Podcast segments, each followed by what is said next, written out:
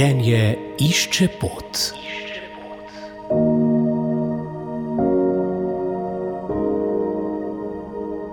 Lepo pozdravljeni, cenjene poslušalke, dragi poslušalci. Danes je moj gost, pater Ivan Platovnjak iz duhovnega središča Sveti Jožef na Poljanah v Ljubljani. Govorila bova o programu za žalujoče, se pravi za vse tiste ljudi, ki so v življenju doživeli neko pomembno izgubo in še ne morejo stopiti iz te svoje bolečine in zaživeti eno spet bolj normalno in ustvarjalno življenje.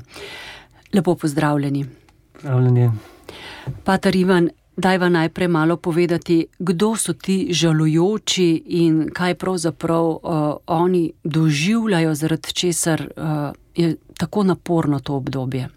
Gotovo vsak izmed nas, prej ali slej, tudi pride do žalovanja ob različnih izgubah, ampak vsak se prej sooči tudi s tem, da izgubi osebo, s katero je delil svoje življenje, ki jo je ljubil, ki mu je spomenila vse v življenju, in je težko, um, brez da bi ob tem čutil težko žalost, globoko žalost, da se ne bi tako ali drugače ja, odprlo brezno, ne, ki hoče nekje.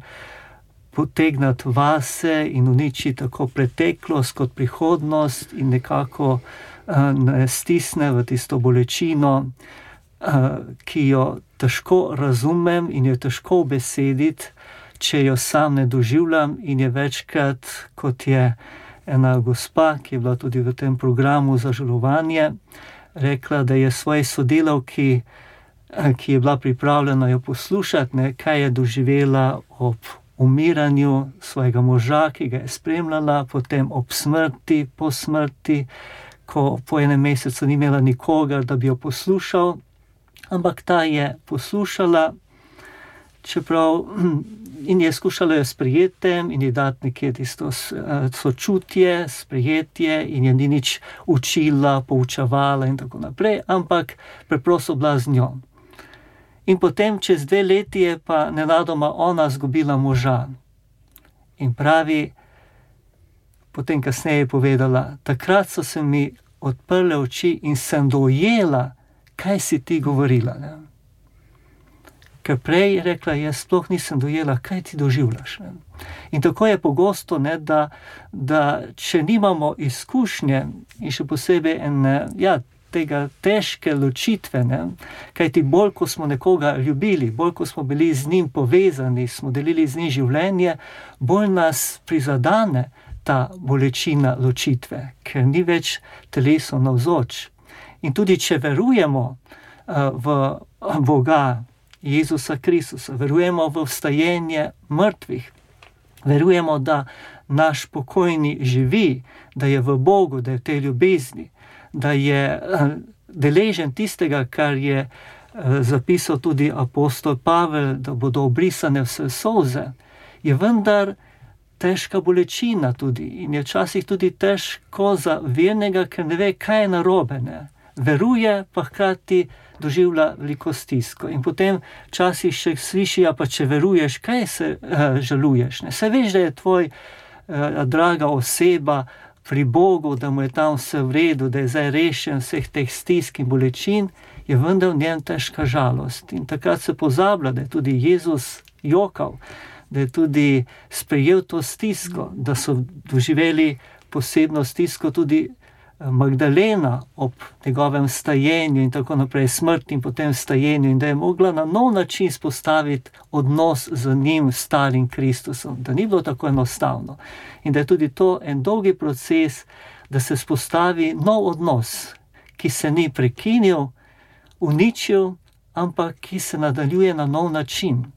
In prav tu je tisti proces, tudi žalovanje, kako spostaviti ta nov odnos, zaživeti ta, to, kot pravi ta avtor knjige Požalovanja, Petri Komeli, da se zgodba ljubezni, ki smo jo začeli živeti s to ljubljeno osebo, s katero smo delili svoje življenje kot sin, šči, mož, žena.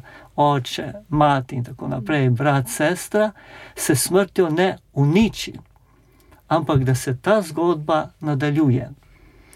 Kako pa to, kar ste zdaj povedali, in verjetno je to res eh, prava pot, vendarle v teh skupinah za žalovanje konkretizira, katere metode uporabljate, da ljudje to počasi stopijo na to pot?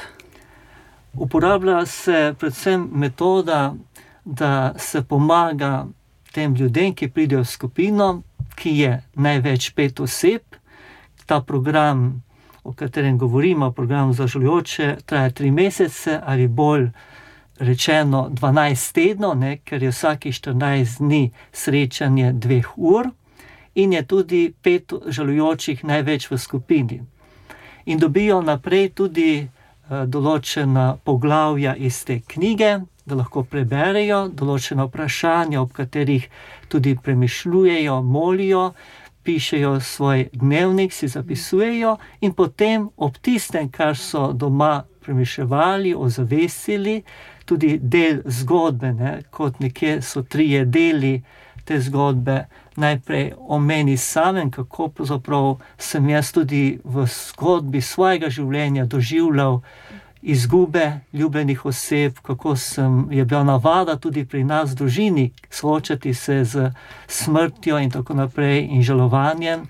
Potem, kako se je začela ta zgodba ljubezni z ljubljeno osebo, kateri zdaj žalujem, potem, kaj se je zgodilo, kaj vse se je meni dogajalo ob smrti te ljubljene osebe in pogrebu in prvih, prvem mesecu, na to pa kot kako pa zdaj se nadaljuje ta zgodba ljubezni, to navzočnost te ljubezni naprej, tudi po smrti, po pogrebu, po prvem mesecu. In da tako sam zase to zavesti, potem pa je še ta milost dana, ne, da imam nekoga, ki me res posluša, ki, ki, ki želi me slišati, ki me želi sprejeti in ki ima tudi podobno izkustvo, kaj te tudi sam žaluje in, in sem ob njem ne čutim nekje, kako da sem odveč, kako da ga bremenim, ampak sem za njim tudi dar, da lahko ozavesti, kaj se je njemu dogajalo, hkrati pa eh, dam tudi potem, ko jaz poslušam druge, drugemu zavest, da ga sprejemam tem, da ga podpiram, da ni sam. Poslušali ste pogovor s patrom Ivanom Platovnjakom, ki spremlja skupine žalujočih po izgubi ljubljene osebe. Več o teh skupinah najdete na spletni strani Ignacijevega doma. Srečujejo se v Ljubljani, kjer se nova skupina prične 7. decembra, v Mariboru in Radencih, kjer pričnejo 28. septembra. Prispevek sem za vas pripravila sestra Meta Potočnik. Vse dobro.